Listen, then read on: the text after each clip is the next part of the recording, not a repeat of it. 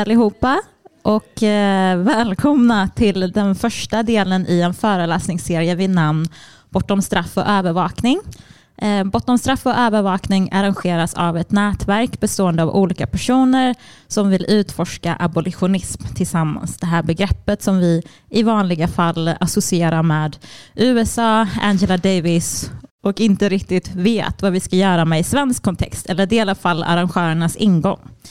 I den här första delen av föreläsningsserien så har vi bjudit hit Lina som även driver kontot Avkolonisera Mera och numera även kollektivet Jordens fördömda. Jag lovade Lina att jag inte skulle introducera henne för mycket, nu råkar jag göra det ändå. Eh, jag tänker vi hälsar Lina välkomna med en varm applåd.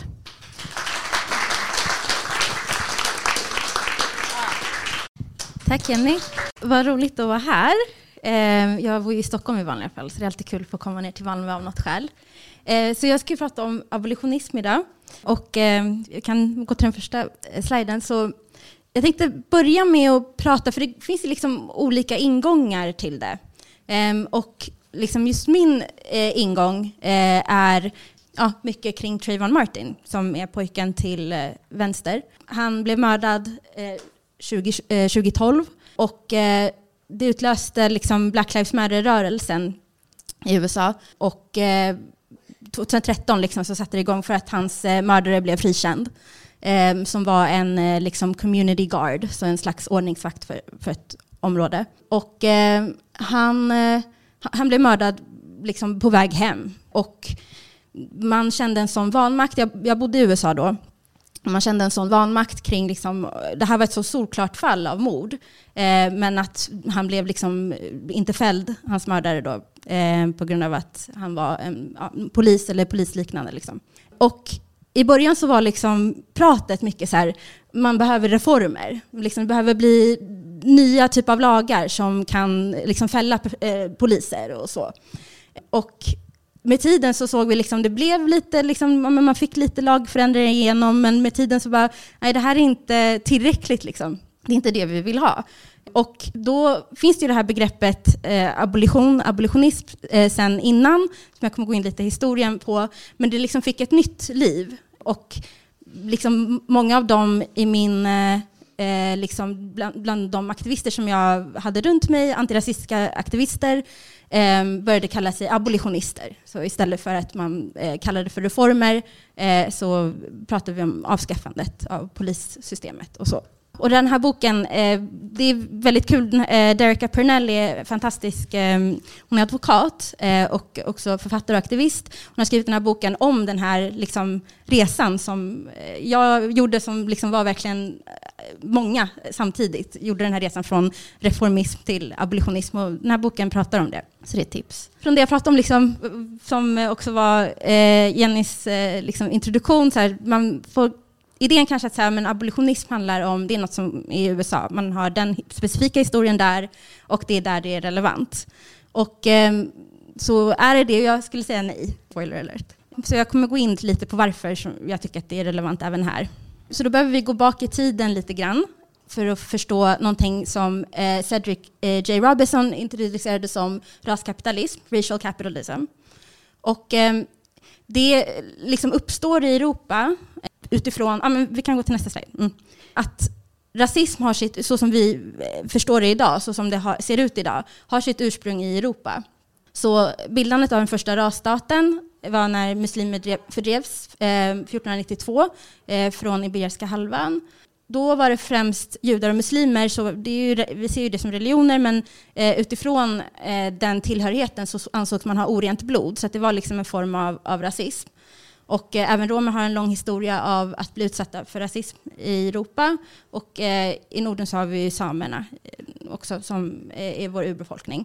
Och eh, det, det, de här idéerna, eh, de kommer från Europa och har exporterats ut i världen. Så rasistiska idéer om människor används för att rättfärdiga exploateringen av land och arbete. Då när man började komma ut i världen för att kolonisera så var det utifrån de eh, rasförhållandena som fanns i Europa som man sen, liksom, ja men det här kan vi också använda ute i världen. Och det rättfärdigade folkmord av urfolk eh, på amerikanska kontinenterna och också förslavandet av afrikaner. Och det pratas sällan om det, men, men de förslavade afrikanerna som jobbade i kolonierna eh, var ju del av liksom samma produktionskedja som fabriksarbetarna i Europa. Så att, liksom, vart kom bumlet ifrån som man använde i fabriken här? Jo, men det kom ju från de förslavade människornas arbete. Så det är liksom samma process, det har varit del av en och samma eh, kedja.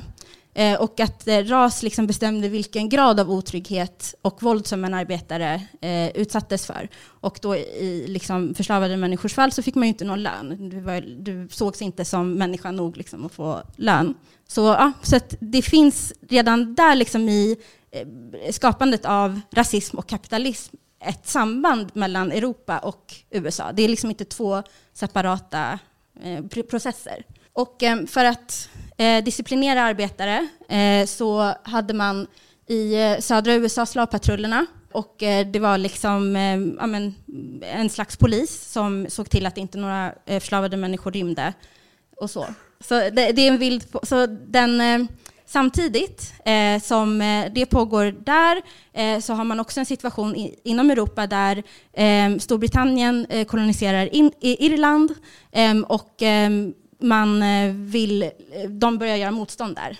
Och när de gör motstånd så börjar man ta in militär och sånt där, men det bara ökar eh, liksom, motståndet. Och de börjar tänka, okej, okay, men vi behöver lösa det här på ett annat sätt, för vi vill också använda de här resurserna för att liksom, använda militären för att eh, liksom, fortsätta kolonisera ut i världen. Och eh, då börjar man tänka, men om vi förhandlar, om vi liksom börjar ja, ha en annan metod som inte är lika våldsam, Eh, för att stilla de här eh, arbetarprotesterna i Irland eh, så kanske vi liksom lyckas få ja, ner de här revolterna. Och eh, det gjorde man. Och eh, den, det lärde man sig av sen i London och inspirerades av den här metoden av att eh, slå ner. För när det blev arbetarprotester i, i England eh, så tänkte man okej, okay, om vi använder det här, det gick ju bra när vi inte liksom gick in med våld. På samma sätt som, som det blir när det är militär. Då kanske vi också kan lyckas göra det. Och det funkade bra och det blev stiftande av första polisen. Den Londonpolisen är inspiration liksom till alla polisorganisationer eh, i världen, även Sverige. Och den polisen kom även till Boston och USAs polis idag är en kombination liksom av dels det här slavpatrulls eh, liksom, eh, legacyt och också Bostonpolisen. Så att, ja, disciplinen, alltså disciplineringen av arbetare har också haft en liksom väldigt gemensam metod och system. Det här var då en, en slavpatrull. Och i Sverige så har också polisen eh, haft en eh, liksom rasistisk historia där eh, det var mycket romer som utsattes. Då, nyligen så har det kommit fram liksom en studie, man, har börjat, man började kartlägga eh, våldet mot eh, romer och resande i Sverige och eh, fann att liksom, polisen gav stöd till ja, fördrivningen av, av romer i Sverige. Så jag går lite snabbt igenom här. Men, eh, så i svensk, om vi kollar liksom till Eh, Sveriges del i liksom den koloniala biten av det här eh, kapitalistiska systemet så det finns ju liksom en, en, idé om att Sverige inte har deltagit i någonting. Liksom en slags här idé om svensk exceptionalism. Att Norden, liksom, vi har inte varit delaktiga. Och det är sant liksom att det inte varit lika eh, utbrett. Man har inte haft lika mycket eh, förslavade eh, människor, man har inte haft lika mycket kolonier, men man har ändå haft några. Och, eh, då, till exempel så Cabo Corso och Saint Barthélemy är två som står ut i svensk historia. Och också att man kan se på eh, gruvorna i Sápmi liksom som en, en slags eh, intern kolonial process i fördrivningen av samerna. Och eh, liksom även redan på 1800-talet, 1700-talet kanske det var, så pratade man om det som Sveriges Västindien. En annan, ett annat sätt som Sverige har deltagit i det här eh, globala systemet, eh, koloniala systemet, eh, är genom eh, försäljning av järn. Och under 1700-talet så var det något så här, runt 70 procent av Sveriges exportintäkter kom från försäljning av järn till eh, England och de använde det för bojor eh, och eh, kedjor och så eh, till slavskeppen. Och eh, ja, Voyage järn kallas det. Det är en bild på det. Och eh, två väldigt bra böcker om man vill läsa mer om det är eh, Svart historia. Ni har hört talas om, eh, Amat Levin finns också ett väldigt bra konto.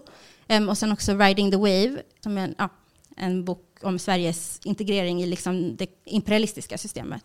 Och eh, då på tal om svensk imperialism så, så är ju Sverige liksom del av den här världsordningen som, eh, där Sverige gynnas av världens ojämlikheter genom att man har fabriker i liksom, södra Asien, eh, Lundin Oil i Afrika, vapenhandel och annat så tjänar Sverige på att eh, det finns den här osäkerheten och otryggheten i resten av världen och att arbetare exploateras. Så om vi tittar liksom på, på rasism i Sverige så eh, ansåg Sverige liksom ledande inom rasforskning och rashygien. Eh, man eh, gjorde liksom den dåtidens största eh, rasstudie, eh, var svensk. Eh, man hade det första statligt finansierade rasbiologiska institutet allt det här liksom ledde under första halvan av 1900-talet till rashygieniska folkhälsoreformer. Så samtidigt som man skapade folkhemmet eh, så hade man också tvångssterilisering av romer. Man hade register över eh, judiska personer, romer. Eh, man hade påtvingad assimilering. Eh, och så, så det liksom har alltid funnits den... Ja, det är inte ett nytt fenomen liksom, när vi ser rasistisk politik idag i Sverige. Det har liksom en lång historia här. Ja, så hur, hur ser det ut i Sverige idag?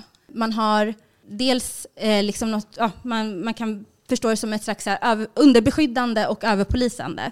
Så att pojkar och unga män som är övervägande svarta och bruna från så kallade utsatta områden, de, det är de som misstänkliggörs mest, men det är samtidigt också de som utsätts mest i det här liksom, gatuvåldet då, som polisen ska skydda oss från. Det finns en väldigt bra eh, trygghetsundersökning som Folkets hus gjorde som är communityperspektiv på kriminalitet och utsatthet. Och då går de igenom liksom datat på eh, hur utsatta människor som bor i de här äh, så kallade utsatta områdena blir dels av poliser, vissa kan bli eh, visiterade hundratals gånger, samtidigt som man också är närmast det här eh, våldet som polisen försöker komma åt. Vi har eh, liksom ja, Tidöavtalet, det är visitationszoner, bristande vandel, det är hård migrationspolitik och det finns liksom en rasistisk eh, liksom, tråd som går igenom alla, allt det här. Vi har också institutioner som eh, det liksom kommer fram mer och mer eh, i och med att eh, personer liksom organiserar sig. Så SIS-hemmen som eh, unga eh, ungdomar sätts i som anses som att de har eh, ja, men, på olika sätt, om det, om det är självskadebeteenden eller så, som det behöver inte vara liksom att de har varit våldsamma mot andra, men även mot sig själva liksom, så ses det som att ja, men då stoppas de i de här hemmen. De tvångsomhändertas och eh, det sker jättemycket våld där, kommer det fram. Liksom. Um, och det här är en, eh, en eh, tjej som berättar att eh, jag existerar inte som ett skräckslaget och förnedrat barn, för dem jag är en sak, en skit, um, samhällets bottenskrap.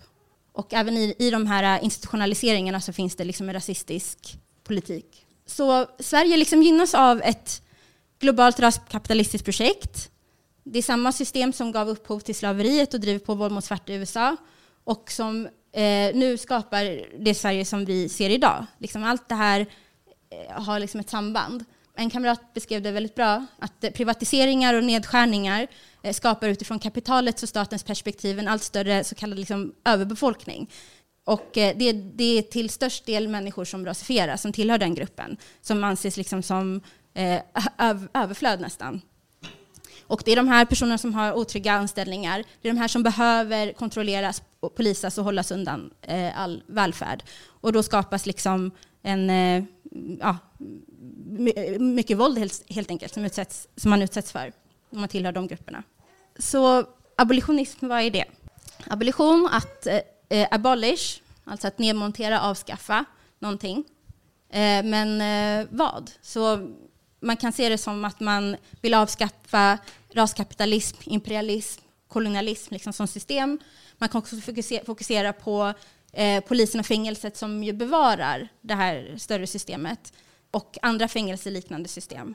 Och eh, de första abolitionisterna, det var ju de som stod emot, eh, liksom, gjorde slav, motstånd mot slaveriet. Och eh, då har vi bland annat Harriet Tubman som eh, fick personer, liksom från, eh, förslavade människor, förde dem norrut till frihet. Ehm, det finns också liksom, som ledde haitiska rebellrevolutionen. Ehm, så det liksom, finns ju också olika metoder, liksom, vilket jag också tror man behöver tänka på när man tänker så här, vad, vad är abolition? Det finns ett som är liksom, mörda kolonisatören. Det finns annat som är liksom, föra till frihet, liksom, Eh, mer eh, undercover. Så att det finns liksom, man kan se det som att det finns kanske radikala delar och andra min, liksom mer eh, som handlar om att överleva här och nu.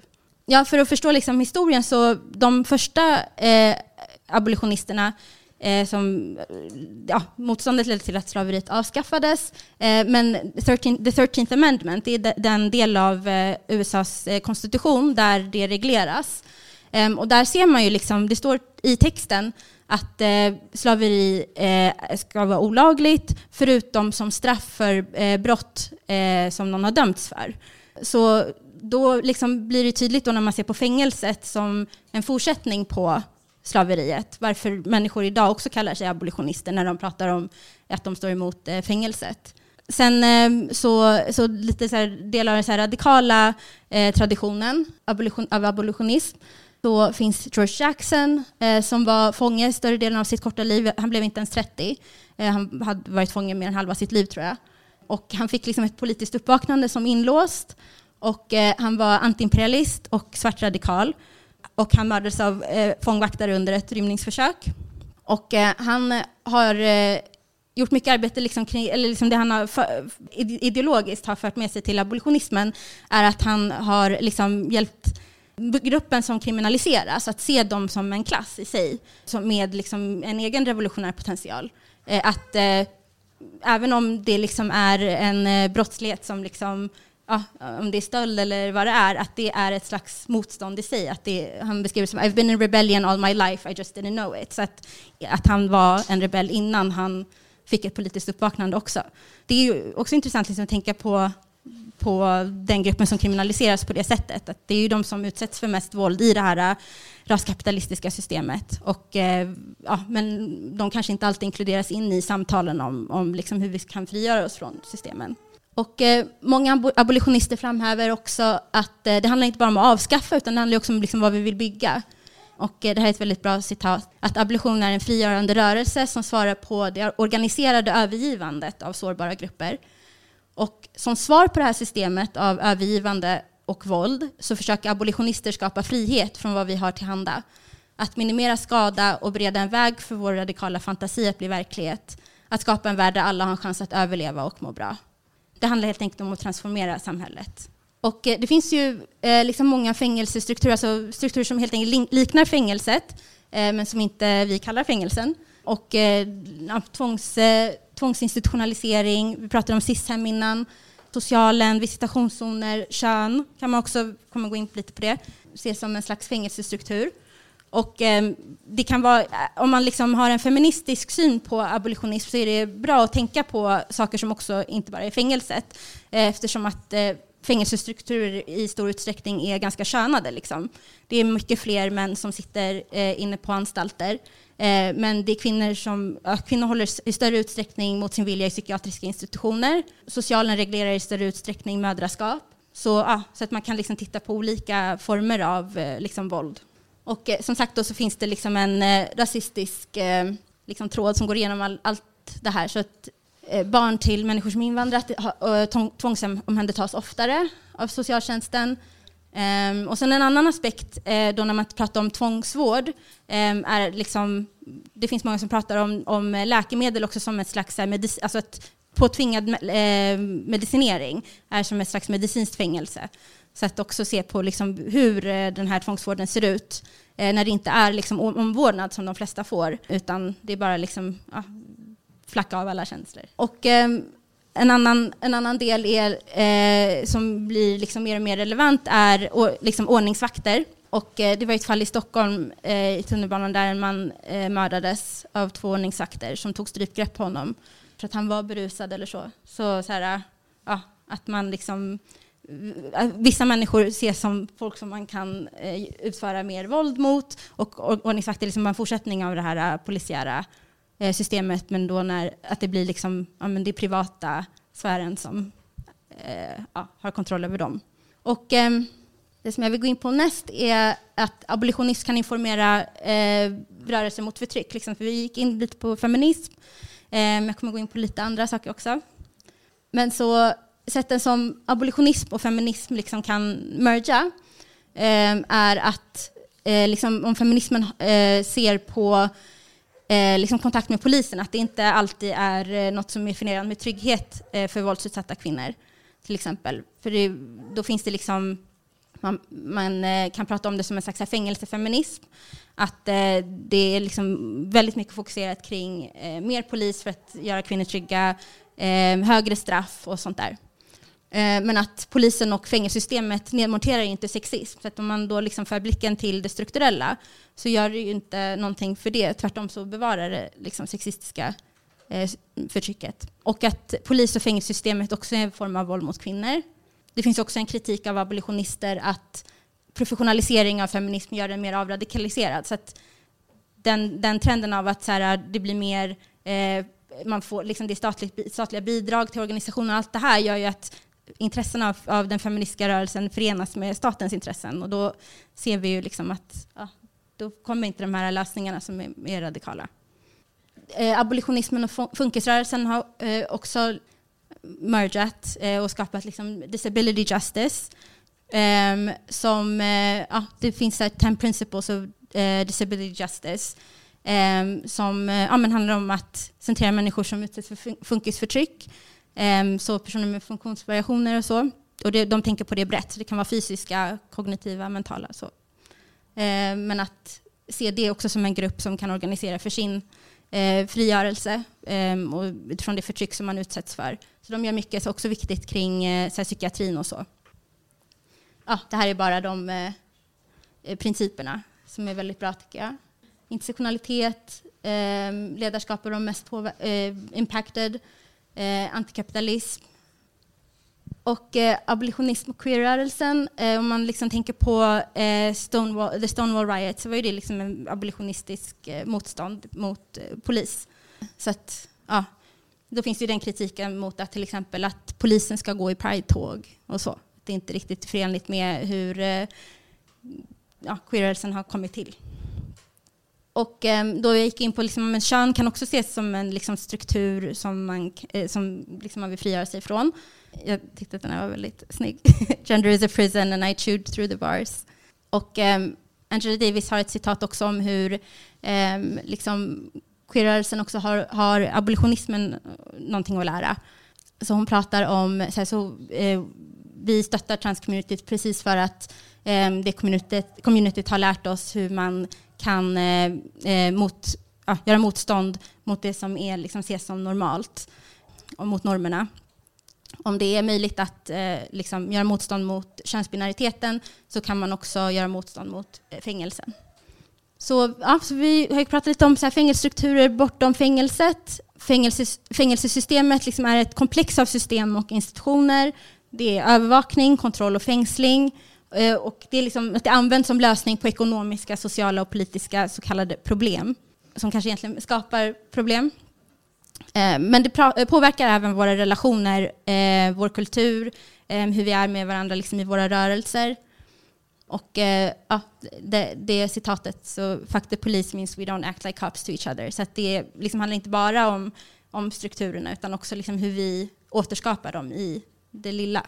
Och eh, jag vet att ni kommer ha någonting om eh, konflikt och så, så jag kommer inte gå in så mycket på det. Men eh, jag vill säga någonting i alla fall om så här, varför det är viktigt att prata om det, då, liksom vårt förhållningssätt till, till konflikt och våld och varför det är viktigt att ändra det. Så, att, ehm, så det är just det att liksom, om inte vi gör upp med sätten som, som eh, de här systemen lever i oss, så blir det svårt att verka mot dem. Och eh, då finns det några begrepp som så här, transformative justice och sådär. Man pratar om eh, community accountability, så transformative justice använder sig av liksom fyra perspektiv.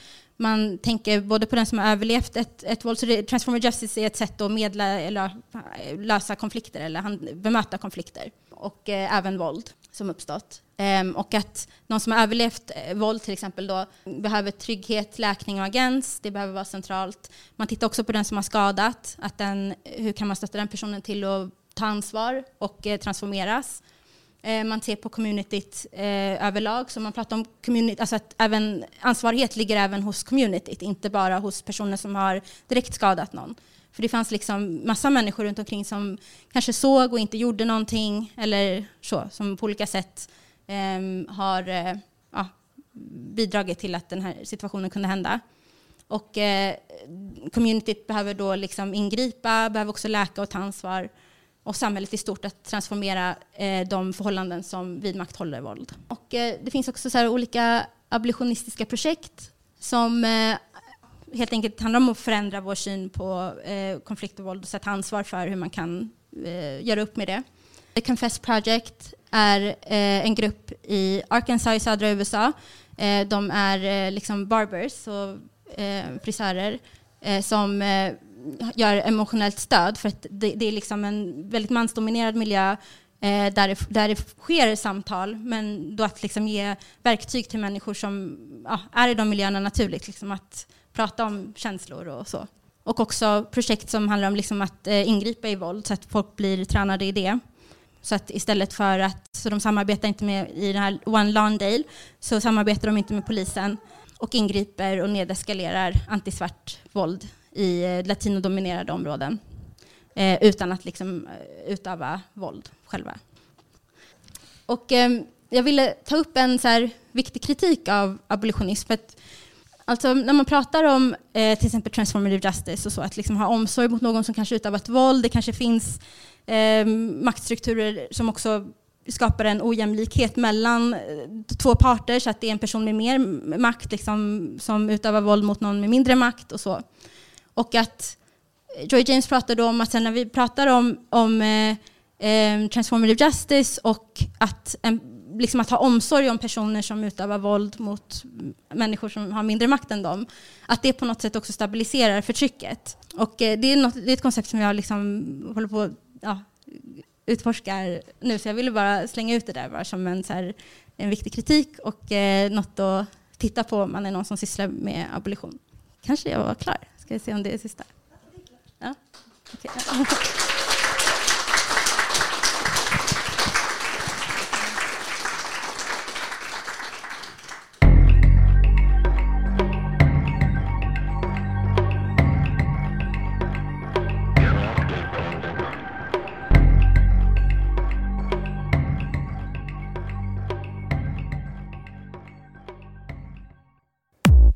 Du har lyssnat på en podcast som görs i samarbete med ABF Malmö.